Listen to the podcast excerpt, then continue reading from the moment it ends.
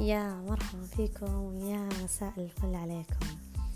آه قاعدة أسجل البودكاست هذا وتذكرت كلام لطيف وكلام مهم وحابة إني أقول لكم إياها أسجلها وأنا في العيادة وبين الحالات أخذت بريك كذا شوي وقاعدة. يعني أحيانا تجي أفكار ملهمة فحابة إني أقولها لكم.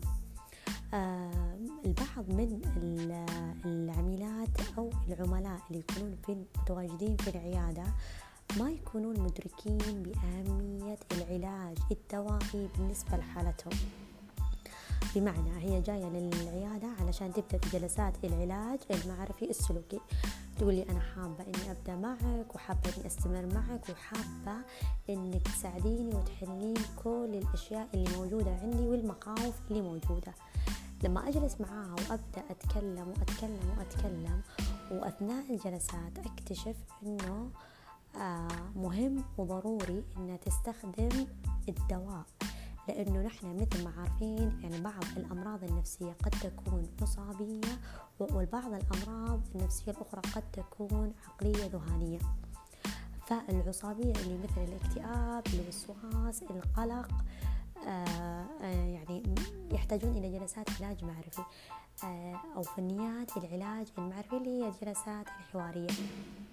لكن بعض الأمراض الذهانية العقلية مثل الفصام اضطراب ثنائي القطب آه الأمراض هذه جدا جدا جدا مهمة تحتاج إلى استخدام الأدوية.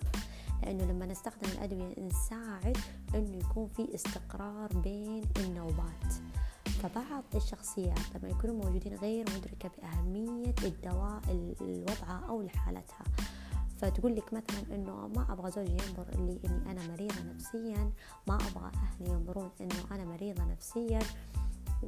وهي ما تبغى تنظر لنفسها الحقيقة يعني آه يعني في النهاية المحيط اللي حولك يهم راحتك انت. فتقول لك إنه أموري الآن كويسة فليش أستخدم؟ مع إنه تجيها أعراض وتجيها نوبات معينة آه مثلا كاضطراب ثنائي القطب يكون عندهم نوبات من الهوس ونوبات من الكآبة. فلما تجيها نوبات الكآبة تجيها فكرة الانتحار وممكن تكون محاولات. تقول لك جتني الفكرة لكني عديتها. هنا يعني لازم نوقف عند الموضوع هذا ونرجع نفهمها. أهمية الدواء وأهمية كذا وعلشان وضعها وعلشان الأمور ما تسوء وتزداد.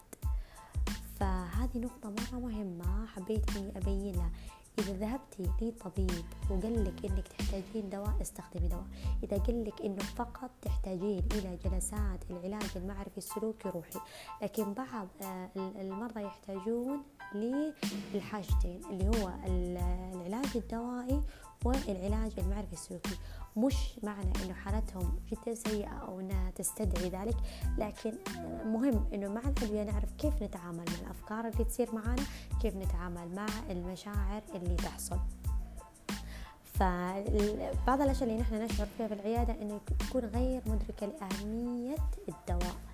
فمهم إنه تفهمين مهم إذا ما كنتي مقتنعة عادي جدا تروحين عند معالجة تقولي أنا ماني مقتنعة أستخدم الدواء هذا وليش أستخدمه؟ ولكن إنهم يعني أصروا عليه انه جدا مهم. فمع الحالات النفسية الذهانيه جدا مهم إن نستخدم الأدوية. حتى ما نتجاوز الأمور وتكون نوبات مستقرة عندنا وما ندخل في شيء مرة كبير ويتعبنا فيما بعد. يعني هذه لمسة على قولهم لمسة نفسية لطيفة بسيطة حبيت إني أقولها لكم. آه بحيث إنه نحن نستفيد بقدر ما نقدر ونوصل المعلومات البسيطة والمهمة للكل. ومساء سعيد عليكم.